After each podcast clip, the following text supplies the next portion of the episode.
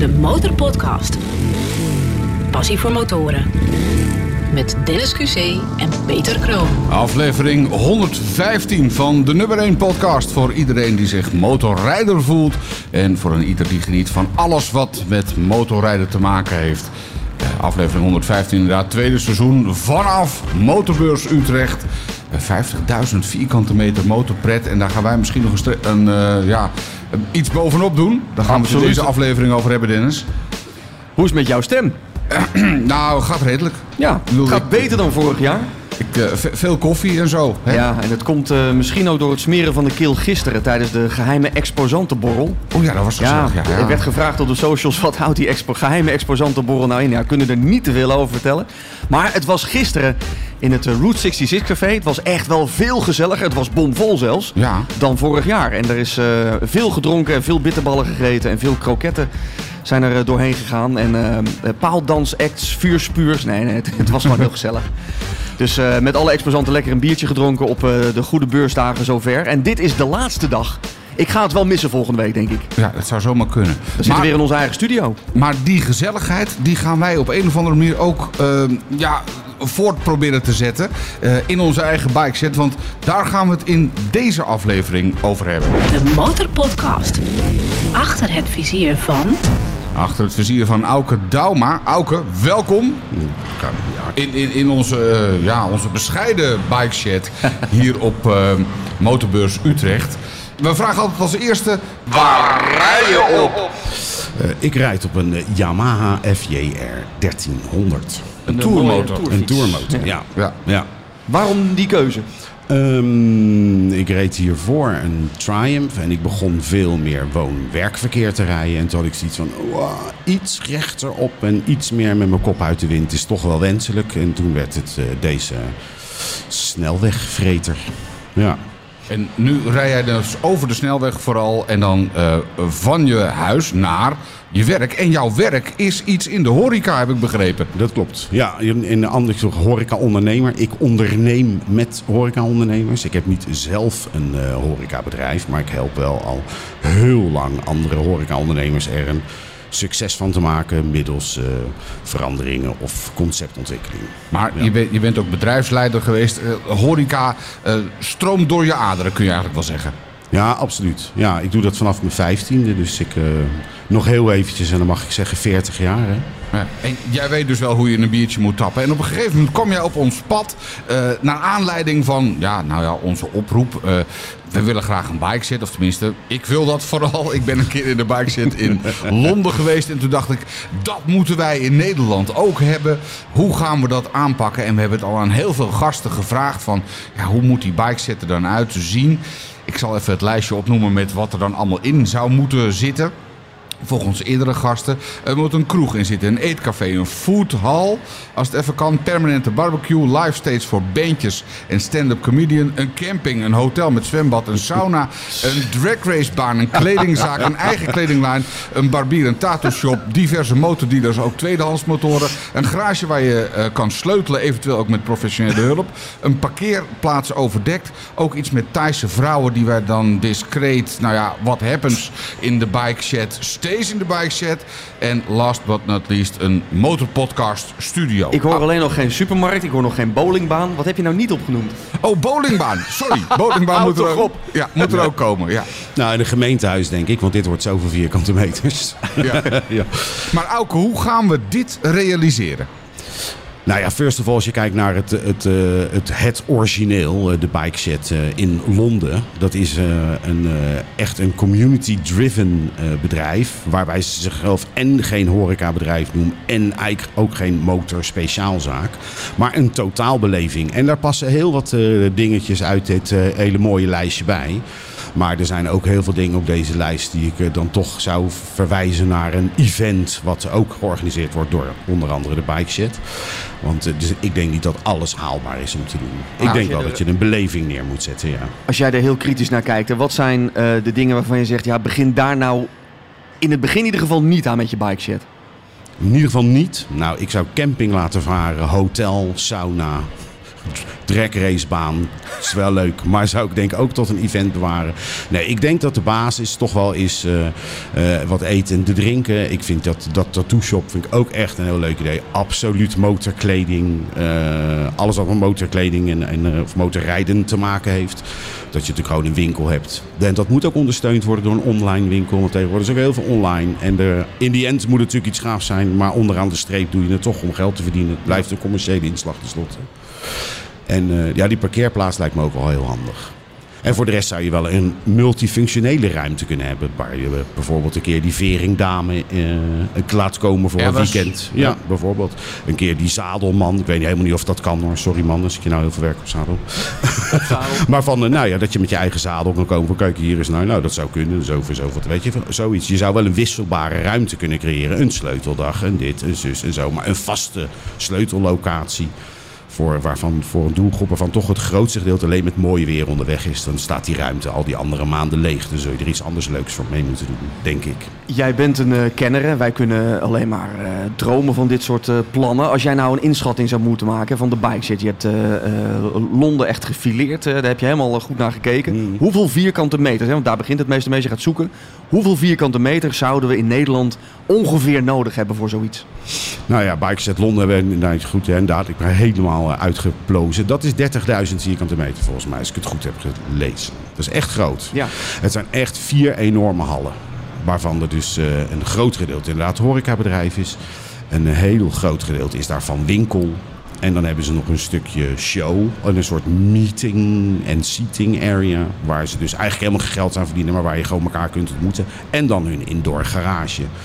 Of het nou direct al zo groot moet zijn, weet ik ook niet. Maar het kan ook niet te klein zijn. Ik denk dat je echt wel wat vierkante meters nodig hebt. Ja. Maar je moet toch niet in beperkingen denken, heb ik wel eens gehoord van, van, van echte ondernemers. Je moet meteen groot, groot, groter willen. En dan kan het altijd misschien even iets, eh, ietsje kleiner Zeker. beginnen. Ja, die heeft, maar je zou kunnen kijken naar locaties waarvan er eh, de mogelijkheid is om later te vergroten.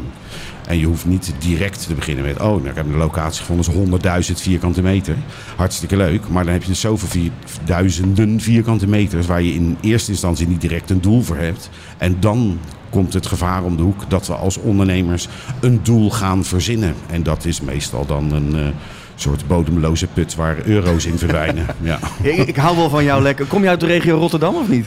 Ja, ja, ik zeg wel eens heel oneerbiedig, eh, alle leuke mensen komen uit Zuid-Holland. Oh ja, ja. wel lekker gewoon nuchter. eh, Je kijkt wel lekker nuchter uit het. Westland over, Uit het niet uit Westland. Rotterdam. Oh, ja, ja. oké. Locaties. Wij kregen van de week, je hebt het over 30.000 vierkante meter in Londen.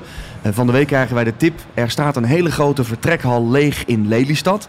Daar ligt ook een drag racebaan naast, namelijk de startbaan. Volgens mij is die nog in gebruik, dus het lijkt me niet heel handig. Maar die hele grote hal, enorm parkeerterrein ervoor en je bent niemand tot overlast. Daarvan Ja. denk ik, nou die 30.000 vierkante meter, de gemeente Lelystad is blij als ze het verhuren, denk ik. Ja, dat denk ik ook. En ik denk dat eh, trouwens, nou dan heb je toch nog je hotel. Want Van der Valk heeft daar natuurlijk een hotel gebouwd. Ja. Met het oog op een eh, vliegveld. En Helemaal dat vliegveld komt er nu niet. Dus misschien kunnen, willen zij die toekan veranderen in een, eh, In een afbeelding van een helm. Of een V-twin of zo. Maar ehm, nee, ik denk dat zou in principe qua ruimte wel een goede locatie zijn. Maar ook de kracht van eh, de Bike Shed Londen is dat het relatief goed bereikbaar is. Nou is het centrum van Londen nogal groot, maar ze krijgen ook zoveel dagjes mensen die ervan gehoord hebben. Het is echt een trekpleister. En wij Nederlanders zijn denk ik een, stuk nuchterder dan eh, Engelsen zijn. Ik denk niet dat, dat de niet-motorrijders zeggen... ik ga in de auto stappen om eens even naar Lelystad Airport te rijden... om eens even te kijken hoe leuk het daar is. Dus ik denk dat het aan de rand van de stad een goed bereikbare locatie moet zijn... Waar je bij het voorbij. Ah, maar dan kunnen we trouwens. eh, We kunnen zo best wel even nu toch aan het winkelen zijn. Even de tram pakken. En dan gaan we even kijken bij de Bike Shed NL. Hey, jij, maar- bent, eh, jij, ja. bent, jij bent er geweest, Peter. Hoe, hoe, hoe was eh, Londen? Nou, ik, ik vond het zeer indrukwekkend. Overigens was het nog wel even een klein stukje met, eh, met, met bussen reizen om er te komen. Vanaf het dichtstbijzijnde winkelcentrum waar mijn meisje natuurlijk helemaal los ging op de schoentjes. Eh, dus het, het was nog wel even een dingetje. Je bent er niet 1 voor 3. Maar begrijp ik nou goed uit dit verhaal dat je de bike set ook zo wil maken dat... eh, ik zou bijna zeggen gewone mensen, niet motorrijders, daar ook een, een bakje koffie kunnen gaan, gaan drinken. Ja, ik denk dat dat wel een hele belangrijke insteek is. Weet je? Dan een A eh, vergroot je de doelgroep. En eh, zoals zij het bij de Bikeset zelf eh, mooi zeggen: eh, people who love motorcycles. En people who love people who love motorcycles. En er zitten daar gewoon heel veel mensen die zelf helemaal geen motor rijden, maar die het hartstikke interessant vinden en het leuk vinden om naar te kijken. En er is ook gewoon veel te zien. En dan is het daarnaast ook nog eens gewoon eigenlijk een heel erg goed restaurant. Want ze staan daarmee ook nog even in de top 3% van Londen. Dus eh, dat is ook al een reden wat waarom het mensen trekt. En dan is dat eigenlijk voor die mensen die daarop afkomen.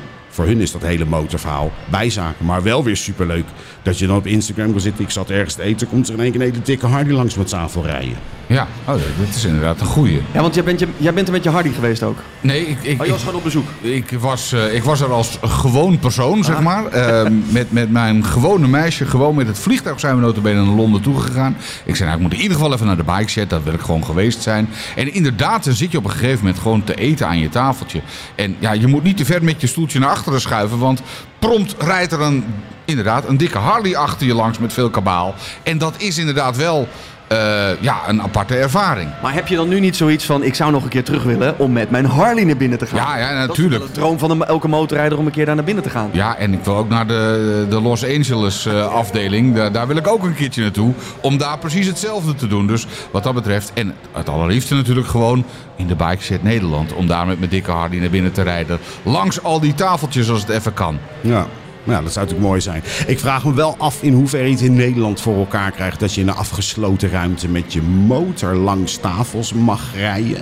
Dat is bij de Bike Set is dat buiten overigens. Oh, dat is buiten, dat is op het er terras. een, eh, oh, dat is alleen, dat is alleen een afdak, is dat en het een, eh, gedeelte? staat wel Ja. een muurtje, maar er is wel frisse lucht. En, eh, Oh ja, ik wil het zeggen. Ja. Ja. Want Ik denk binnen wordt het toch een, ik weet niet, wordt, dat wordt een dingetje, denk ik. Ja, ja, de, de Nederlandse regelgeving. Die is dat- ja, dat houdt denk toch ik, op. wordt dat een dingetje, Maar ja. oké, dan zeg je van het moet in een centrum zijn. hè. Lelystad Airport ligt misschien wel te ver buiten de bewoonde wereld. Ja. Ehm, dan, dan heb je van Groningen tot, eh, tot Maastricht. En van eh, Middelburg tot eh, Hengelo. Het mooiste zou, ik denk zelf het mooiste zou ergens zijn in de, in de, in de ja, noem het eens even, de Gouden Driehoek. eh, Ergens zo Almere, dus dat Gouda, Rotterdam, Amsterdam, daar ergens centraal. Ik denk dat daar gewoon meest logisch is. Of, of in de buurt van Utrecht zou het ook heel gaaf zijn. Maar toch is de, volgens mij de grootste motordichtheid is dan weer Drenthe, volgens mij.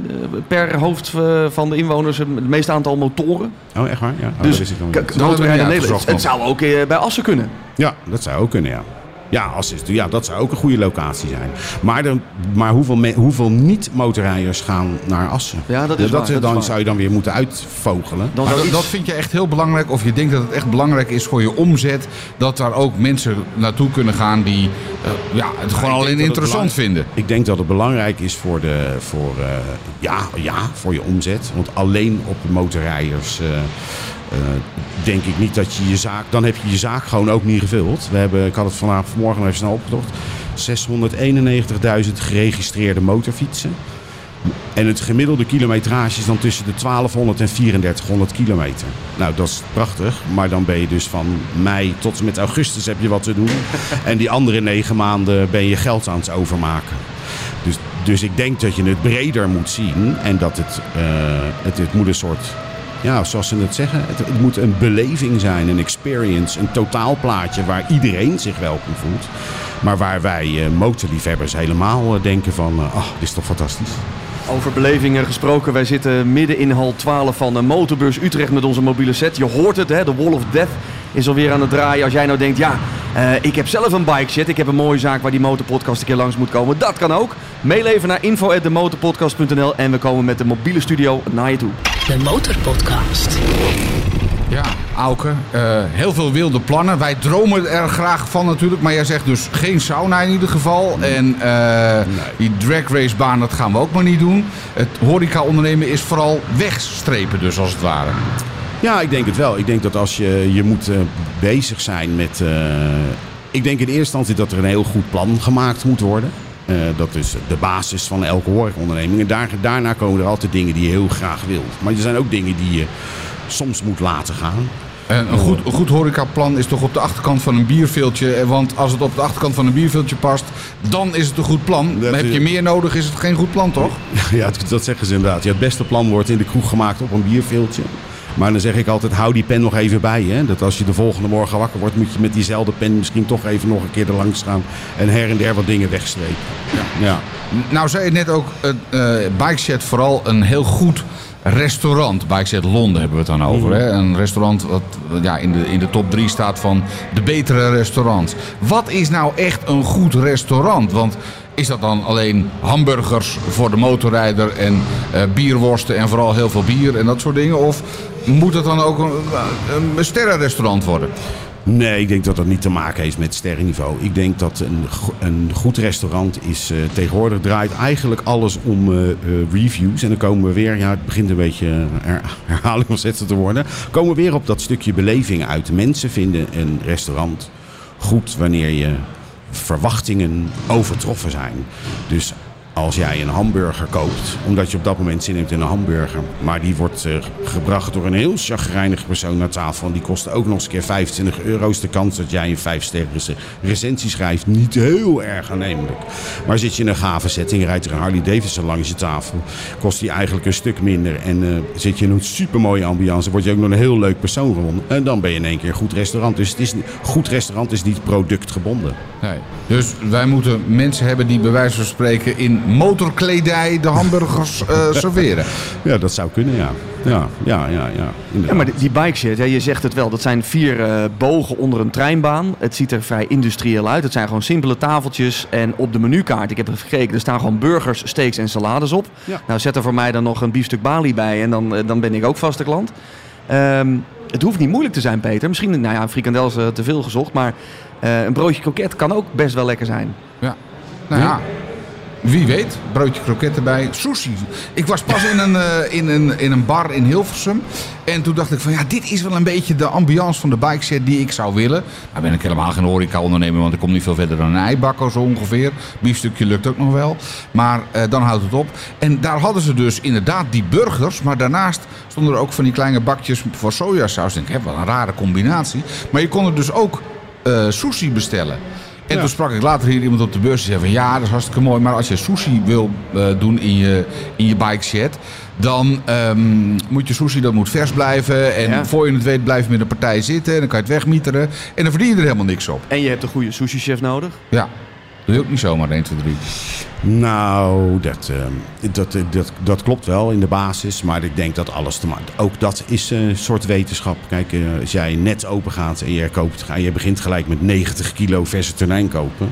Ja, dan ga ik op mijn kop krabbelen. Waarom? Wat what were you thinking?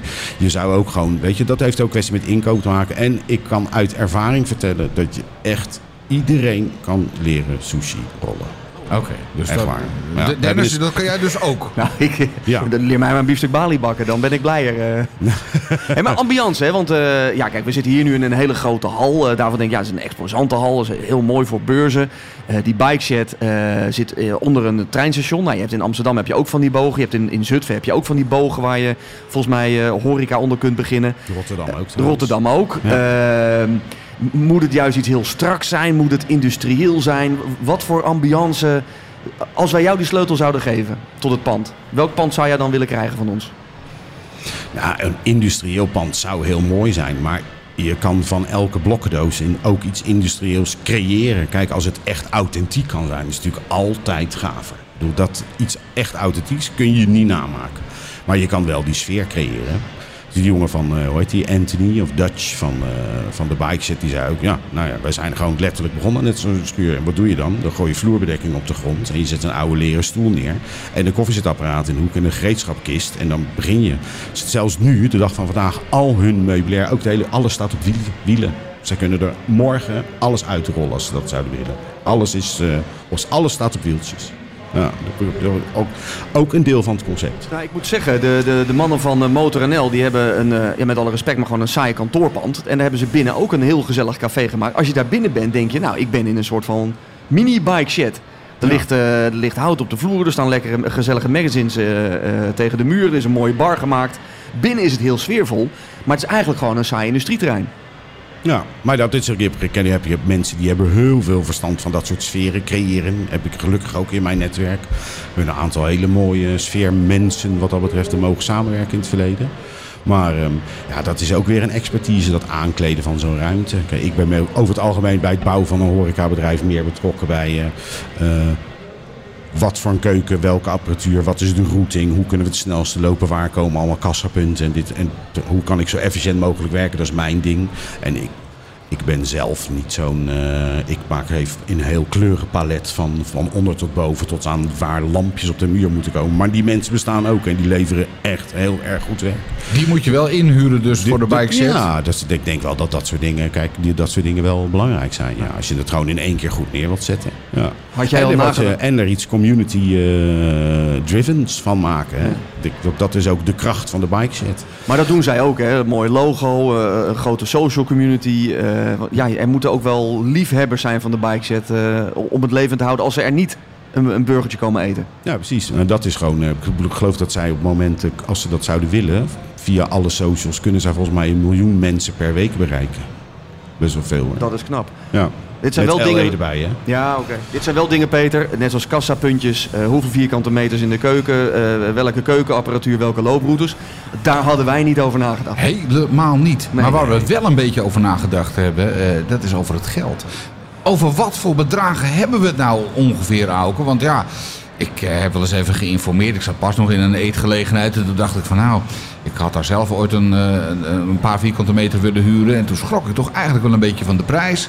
En dacht ik, dit is twee keer zo groot. Zo, dat kost al zomaar 10 mil in de maand. En dan moeten de serveersters er nog bij. En nou, dat, eh, ja, eh, roep eens, wat, wat, wat gaat me dat ongeveer kosten? Ja, daar een reëel bedrag aan hangen is heel erg lastig. Want eigenlijk eh, zeg ik altijd, je rekent een soort van terug. En dan ga je kijken of iets haalbaar is. Kijk, het, eh, even vooropgesteld met bedragen. Als je praat over, ik neem een bestaand horecabedrijf over... dan krijg je naast het feit dat eh, alles wat erin staat, inventaris, geld kost... dan heeft die persoon voor jou ook twintig jaar lang zijn best gedaan. En dat noemen we dan goodwill. En daar moet je dan ook nog voor betalen. En dan nog een beetje dat hij er wat aan verdiend heeft. En dan, gaat het, eh, dan gaan die... eh, dan heb je in één keer hele diepe zakken nodig. Kijk, als je natuurlijk maar, vanuit... maar waar hebben we het dan over? hè? Over Even- een leeg, als je vanuit een leeg punt zou gaan beginnen. Kijk, in de basis voor een horecabedrijf zeg je huur of whatever mag niet meer zijn dan, dan 10%. En dan wordt het terugrekenen, ja. Dus, snap je? Dus heb je, heb je een huur van een ton, nou, dat is mooi. Dus dan is de omzet moet sowieso voor dat gedeelte, dat moet dan al een miljoen zijn. Dan ga je niet uitkomen. Maar dan ga je dus, dus dan wordt het rekenen geblazen. En dan ga je pas, maar om nou te zeggen, oh, als je 600.000 euro hebt, dan staat die volgende week. Nee, zo werkt het helaas niet. Nee, maar Nee. eh, een, een beetje pand zit ik al gauw op een ton huur. En dan, eh, ja, wat, wat, niet begint bij mij al te, te, te duizelen hoor.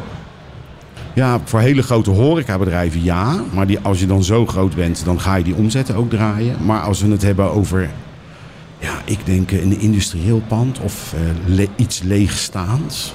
Ja, ga je dan ook die prijzen betalen, weet je. Er is, er, er is daar niks. Je zult daar zelf helemaal iets moeten gaan maken. Dus ik weet niet of je dan een hele hoge huurprijs... Ik denk dat je daar wat dingen van zou kunnen uitonderhandelen, hoor. Ja, jawel. Je hebt het over eh, een zaak overnemen. Hè? Dat gebeurt vaak. Het ene horecapunt heet eerst A en een een paar weken later eerst gordijnen dicht en dan openen ze onder naam B. Is dat slim voor ons om te gaan doen? Nee, want dan koop, want, want, weet je, want dan koop je een horecabedrijf. En je wil er nog zoveel meer bij. En daar is dan geen ruimte voor. Of je koopt een heel groot horecabedrijf. Waar je dus voor die hele grote omzet gaat betalen voor je overnamekosten. En vervolgens ga je het horecabedrijf de helft kleiner maken. Want je wil ook nog een paar motorfietsen parkeren en een motorkledingwinkel hebben. En dan klopt het hele plaatje meer. Dus ik denk dat de basis is eh, starten vanuit een lege locatie. En niet vanuit een bestaand horeca iets. Nou, nou maar kwam met wel die verstanden, er moet wel horeca bestemming op kunnen komen. Anders mag je geen horeca Oké. draaien in een locatie. Oeh, dus als we ergens een hele mooie loods vinden, dan heeft dat waarschijnlijk eh, industrie of zakelijk iets als vergunning. En dan mogen wij daar geen biertje tappen. En geen kroketje maken en geen. eh Nou zal, dat, nou zal dat op een. Dat, dat zou kunnen. Dus de ene gemeente is er makkelijker in dan de andere. Nou is het op een industrieterrein een bestemming wijzigen over het algemeen niet heel moeilijk als je het niet. eh, zeg maar eh, milieubelastender maakt dan hetgeen wat ervoor staat, om het zo te zeggen. Maar wat wordt echt onmogelijk is, is om nu in centrum Utrecht een niet-horecapand te kopen en dan daarna er een horecazaak van maken. Want er wordt geen horecabestemming meer uitgegeven in het centrum. Dat krijg je niet voor elkaar. Dus, dus daar moet wel naar gekeken worden, want dat zul je wel moeten doen. Anders, als je die bestemming niet hebt, dan kun je geen drank- en uh, horecavergunning krijgen. En dan wordt het een beetje saaie aangelegenheid, want dan wordt het gewoon cappuccinootjes. Ja, uh, zoiets is geloof ik gebeurd in Rotterdam. Hè? Maar over uh, overnemen gesproken. gisteren kwam ik iemand tegen hier op de beurs en die zei... Ja, die Peter Gillis, die moet van een aantal van die parken af. Daar is iets gebeurd. Ik weet niet precies wat er is gebeurd, maar hij moet een paar van die, van, van die parken... Hij is ook op tv ermee, hè? Hij moet daar moet daar vanaf. Misschien kunnen we wel zo'n park van hem uh, voor een beetje overnemen.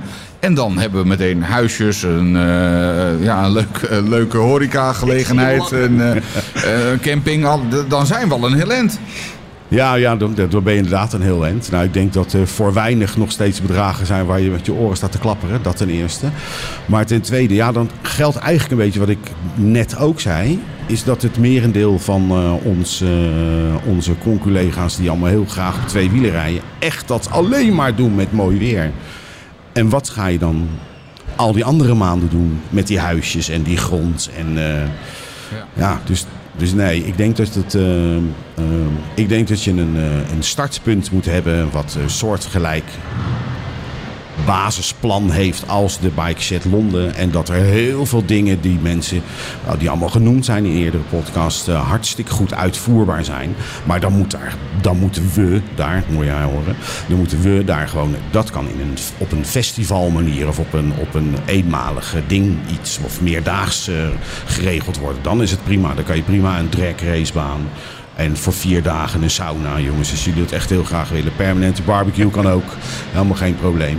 Weet je wel? En uh, nou, die parkeerplaats doet dan ook wel. Of dat overdekt is, dat weet ik dan niet. Maar ik denk dat je zoiets met een event kan je dat hartstikke leuk doen. Ja, absoluut. Ik denk dat dat soort dingen zijn voor events uh, weggelegd. En niet voor permanente, permanente manieren om omzet mee te maken. Je hoort het, we zijn als uh, motorpodcast op zoek naar eigenlijk de perfecte motorstop. En als jij nou zit te luisteren en denkt, ja Dennis en Peter, ik weet een hele mooie plek. Dat is weliswaar geen bike shed, maar daar ga ik altijd lekker een kopje koffie halen of een kroketje eten of even van de zon genieten. Laat het weten, want wij gaan uh, aan het einde van dit seizoen de motorstop van het jaar 2024 bekendmaken. En nomineren kan, en er komt al uh, heel veel leuks binnen. En dat nomineren kan op motorstopvanhetjaar.nl, dus doe dat vooral. De Motorpodcast. Nou, hebben we het al heel even over geld gehad. Hè? Je, kon niet echt een concreet bedrag noemen van zoveel duizenden euro's heb je nodig. Maar ja, hoe gaan we dat bij elkaar krijgen? Moeten we een grote investeerder? Uh, ik heb ze niet in mijn kennissenkring zitten. Ja, hoe gaan we het überhaupt aanpakken, Auke? Nou ja, ik denk dat uh, first things first is. Er zal een, er zal een, een, een businessplan, CQ, heel goed idee... wat conceptmatig goed in elkaar zit, geschreven moeten worden... wat gepresenteerd kan worden. En ik denk dat dan, en dat is dan ook gelijk een soort graadmeter van hoe groot is dan de motorrij community of de motorrij. Ik denk dat met uh, uh, crowdfunding, dat dat de manier is om te doen. Dat zijn allemaal kleinere investeerders die, uh, die zeggen van, oh, dat vind ik wel interessant. En dan kan je ook vanaf kleine bedragen meedoen. Staat uiteraard rente tegenover, er zijn allemaal afspraken over te maken. Maar ik denk dat je dan een leuk bedrag kunt ophalen, weet je. Als er 600 wat is het, uh, zeg 700.000 motorrijders zijn. Nou, als die allemaal een tientje willen doen, zit, ja. staat die eerste 7 miljoen op de teller. En dan krijg je als incentive als jij uh, crowdfunder bent, dat je bijvoorbeeld een extra parkeerplekje, of je krijgt korting op het menu, of je krijgt... Uh... Nou, dat, dat, daar worden verschillende dingen voor gedaan. Er, afhankelijk van de hoogte van... Ik heb al een paar keer crowdfunding moeten doen naar aanleiding van een nou, zo'n technisch verhaal, heropstarten van een bedrijf. En dat kan vanaf een bepaald bedrag zijn dat je een keertje gratis mag komen eten. Uiteindelijk wordt er ook rente betaald, hè, want je hebt tenslotte een lening verstrekt. Dus, dus er moet ook rente over betaald worden. Maar daar wordt vaak afgesproken van. Maar dat doen we sowieso niet de eerste twee jaar. Gaan we pas na twee jaar mee beginnen. Dus dat je eerst al die aanloop hebt. En als je een afspraak met de bank hebt, tegen, of tegen de bank hoef je niet te zeggen: ik ga de eerste twee jaar betaal ik even niks. Nee. nee. Dan, ik denk dat je koffie niet eens wordt ingeschonken dan. Nee. nee. Hey, maar crowdfunding, dat doet mij altijd een beetje denken aan geld ophalen voor een ziek kind. Of uh, zoiets. Nee, een beetje een zieligheidsfactor zit daaraan. Nee, dus ik, uh, er zijn heel veel mensen die. Uh, die zijn echt best wel veel mensen die, die investeren in diverse dingen. En eigenlijk een soort van aan risicospreiding doen. Oh, of, en ook een gunfactor. Oh, dat vind ik echt een leuk idee, die bike set. Nou, daar, daar, eh, stop, daar stop ik 10.000 in. En ik heb 100.000 om eh, te investeren. Maar ik doe ook 1000 hier en 1000 daar. En er gaat ook wel eens een keertje eentje mis. Maar van die andere krijg ik gewoon lekker mijn rente weer terug. En zo wordt dat risico een beetje verspreid. En het is eigenlijk gewoon jezelf verkopen. En daar heb je gewoon hele bedrijven voor die je daarbij helpen hoor, met dat crowdfund uh, principe. Oké, en jij bent in staat om dat te organiseren, want het is je al eens eerder overkomen hè, dat je met een goed plan eh, ergens kwam en dat ze zeiden en nu ben jij bedrijfsleider, dus bij deze nu ben jij bedrijfsleider van, eh, Succes! van de Bikeset eh, Nederland. Ja, er valt een hele hoop te organiseren, dat klopt. Ja. Ja. Nee, maar ik zie dat crowdfunding. Hè. We hebben natuurlijk ook vrienden van de show. Dat zijn eigenlijk ook onze crowdfunders. Eh, die, die, die storten een, een vrijwillig bedrag. De een wat hoger, de een eh, gewoon eh, wat lager. En iedereen doet dat eh, wat hij kan missen. En daarmee steunen zij onze podcast, waar we heel blij mee zijn. Hè, want dit soort dingen kosten ook geld om te organiseren.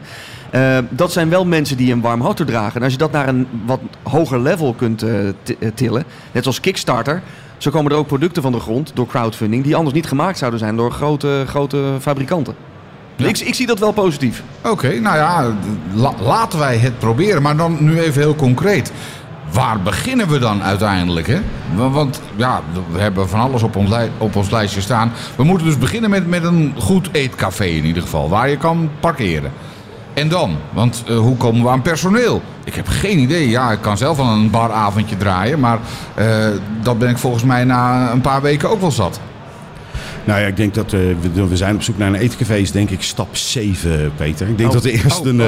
ik denk dat er eerst een plan geschreven moet worden. Wat het concreet moet omvatten. Dus je hebt eh, van alles bedacht. En wat ik, eh, waar we mee begonnen, dan gaan we met die pen strepen en houden een aantal elementen over. En daar moeten we een plan voor schrijven. En daar komt het concept voor. En daaruit voort vloeit, oké, dat wil dus zeggen dat ik op zoek ben naar een locatie van zo groot. Maar en, eh, en, dan, en dan wordt het rekenen geblazen. Dan moet er van dat plan een, een, een financiële opzet gemaakt worden. Met alles waar je rekening mee moet houden. En dan ga je, en dan ga je dit plan verkopen. En dan ga je, eh, de- dan ga je de crowdfunding in. En dan personeel zoeken. Dat is eh, op het moment dat je, dat je zo ver gekomen bent dat je denkt... man, we gaan volgende week bouwen. Dan ga je de sollicitatieprocedures Nou, eruit opstarten. Wij waren eigenlijk eh, tijdens onze motorritjes al een beetje locaties aan het spotten. Dus dat, dat is eigenlijk stap 38, Peter. Oké. Dus eh, ik denk dat we onze roze bril, die we ook vaak op hebben als we de motor kopen, ook in het geval van de bike shed, eerst het papierwerk. Ja. Dus we moeten eerst een businessplan gaan schrijven. Dus laten we beginnen met een Word-document, denk ik dan. En een Excel-sheet. Dat zeg je eigenlijk. Ja, eigenlijk wel. Maar die roze bril die jij net noemde, Dennis, is wel belangrijk. Want eh, uiteindelijk, wat ik al eerder zei, het gaat om het... eh, je wilt beleving gaan verkopen, niet iets statisch. eh, u vraagt, wij draaien, service, wat is allemaal niet interessant. Dus je wilt beleving gaan verkopen. En om beleving te creëren, zul je zelf ook ergens passie voor moeten voelen. En dat is wel leading. Dus die roze bril heb je nodig. De Motorpodcast. Gratis in je favoriete podcast-app. Het, het overnemen van de naam Bike Shed Engeland naar Nederland, is, is dat reëel? Eh, nou, daar zou je een. eh nou heb je ook specialisten voor natuurlijk, de, co- de copywriters en dat soort dingen. Maar ik denk wel dat je het, dat je het niet zomaar Bike Shed Motor Company Amsterdam Nee. mag noemen. Ik denk dat je dan echt een rechtszaak aan je. Aan de ene kant is het makkelijk, hè? want je, stel je voor dat het wel mag, dan heb je hun naam al. Eh, maar dan moet je ook hun logo, je moet hun servetten, je moet hun dit, je moet hun dat. Dan mag je niks zelf verzinnen. Ja. Zou jij liever kiezen voor die franchise-optie of zou je zeggen: ik ga liever echt zelf alles bedenken en ik bedenk een nieuwe naam? Motorpodcast, eh, drive-in eh, bar, weet ik veel. Ja. Nou, ik zou wel in het gesprek, ik zou wel op zich de, de, ik zou wel de, de, het gesprek aangaan. Van joh, moet luisteren, zou je daar, eh, ben, je daarvoor, eh, ben je daarvoor te porren? En zo ja, wat, wat, eh, en, en nou, blijkbaar is hij daarvoor te porren. Volgens mij is het al een keer eerder geprobeerd, begreep ik. Dat iemand dat had gedaan. Ja. Rotterdamse In, avontuur. in Rotterdam heeft iemand het geprobeerd, maar er was iets met een drank, eh, drankvergunning wat niet helemaal lukte. Dus vandaar. Ja. Ja, dan, dan lukt het dus niet zonder drank. Nee. Nou, ja, in Rotterdam. Hm? Het was Centrum Rotterdam, misschien ook niet praktisch. Nee, dat zou het eventueel geweest kunnen zijn. Maar goed, er is dus, nou ja, ik zou wel die, die, dat gesprek aangaan. En dan hangt het heel erg af van waar, waar zij mee komen. Zeggen zij van, joh, moet je luisteren, dat vinden we hartstikke leuk, juichen we hartstikke toe. Eh, maar dan moet je inderdaad ons logo, dit en dat en dat. Ik verwacht dat je onze vetjes en weet je zo. En, je, en daar betaal je een eenmalig bedrag voor. En dan krijg je daar een hele community online voor terug. Met een eh, goed lopende webshop en dan dat soort dingen neem je allemaal mee over. Moet je heel veel geld gaan betalen. En hebben zij eisen aan eh, wat dat ook allemaal kan. Het moet zo'n soort pand zijn. En het moet zo en het moet dit.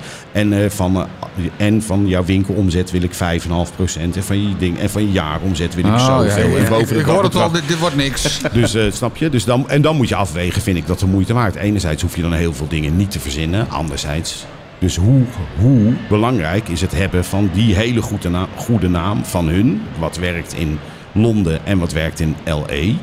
Waard in ons koude, nuchtere kikkerlandje. Ja, en- Wij hebben nu een beetje het idee van, hè, we hebben dat idee geroepen. Er wordt ook veel over gesproken in de podcast. Wij gaan het zelf niet opstarten, maar hoe mooi zou het zijn als er mensen zoals jij, met hè, die keukenervaring in de praktische kant. We hebben er iemand bij nodig voor de inrichting. We hebben iemand nodig voor de vergunningen, voor het businessplan. Als wij die mensen bij elkaar kunnen brengen.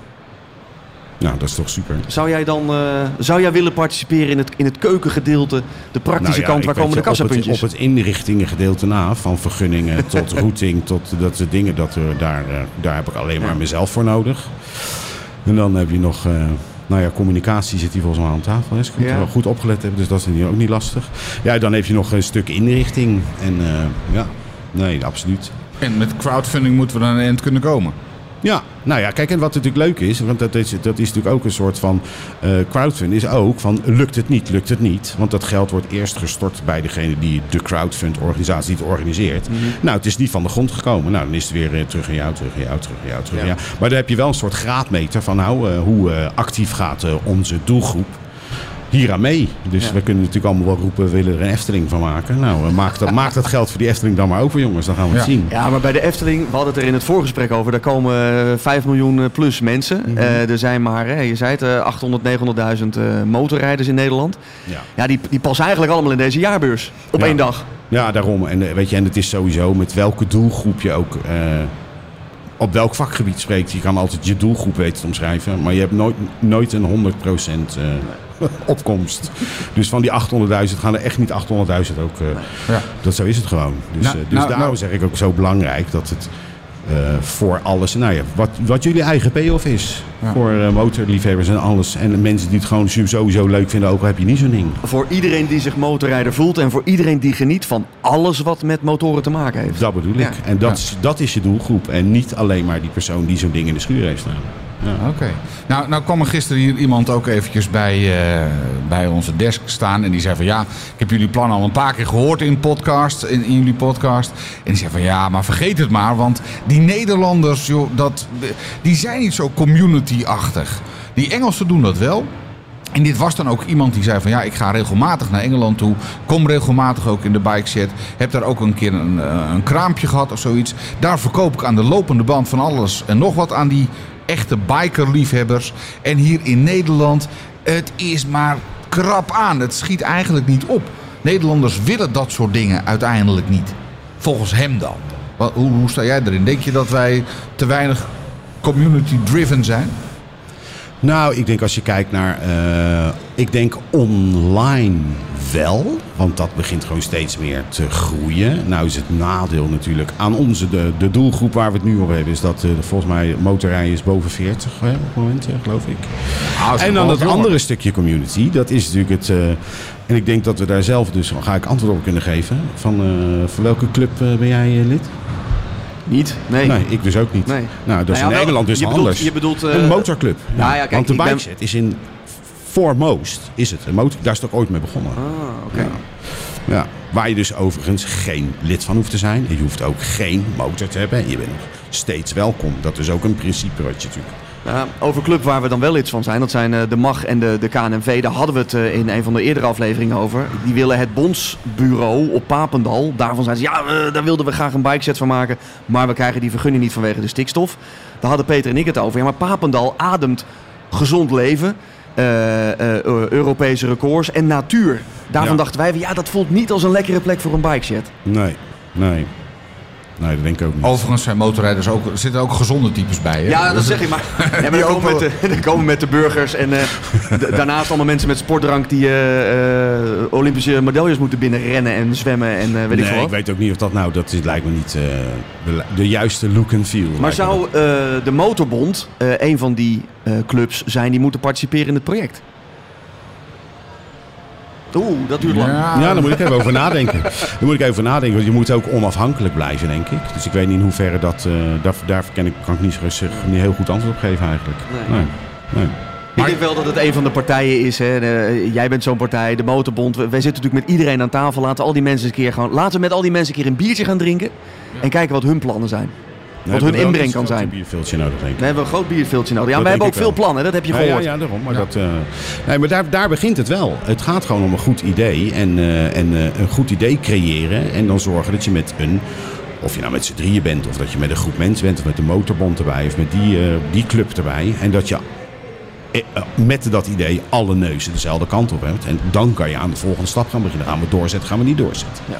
En zo moet je elke keer op een bepaald punt komen. Dat je zegt, gaan we nu doorzetten, gaan we niet doorzetten. Op het moment dat je gaat crowdfunden, ja, dan, en het geld komt binnen, ja, dan, eh, dan, moet je heb, door. dan moet je ook echt B gaan zetten. Dan heb je echt A gezegd. En dan Ja. gaat B ook echt beginnen. Ja. Maar dan, je kan heel veel dingen doen totdat je aan het einde van A bent. zeg maar. Ja. En jij bent bereid om ons daar een handje bij te helpen? Absoluut. Oké. Ja.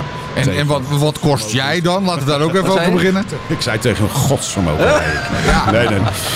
Nou, dat hangt een beetje vanaf hoeveel eh, tijd ik daar... Ik vind het wel echt een superleuk eh, project. Dus, eh, en eh, ja, dat, ik vind dat in het begin eh, hoef ik helemaal niet over geld te praten. Niet belangrijk. Oké. Nou, dan, dan praten we in het begin niet over geld en later misschien wel een keer.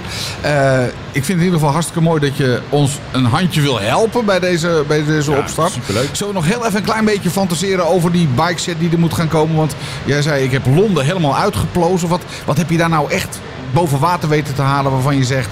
Ja, dat moeten we in ieder geval meenemen. Dat is eh horeca technisch heel belangrijk.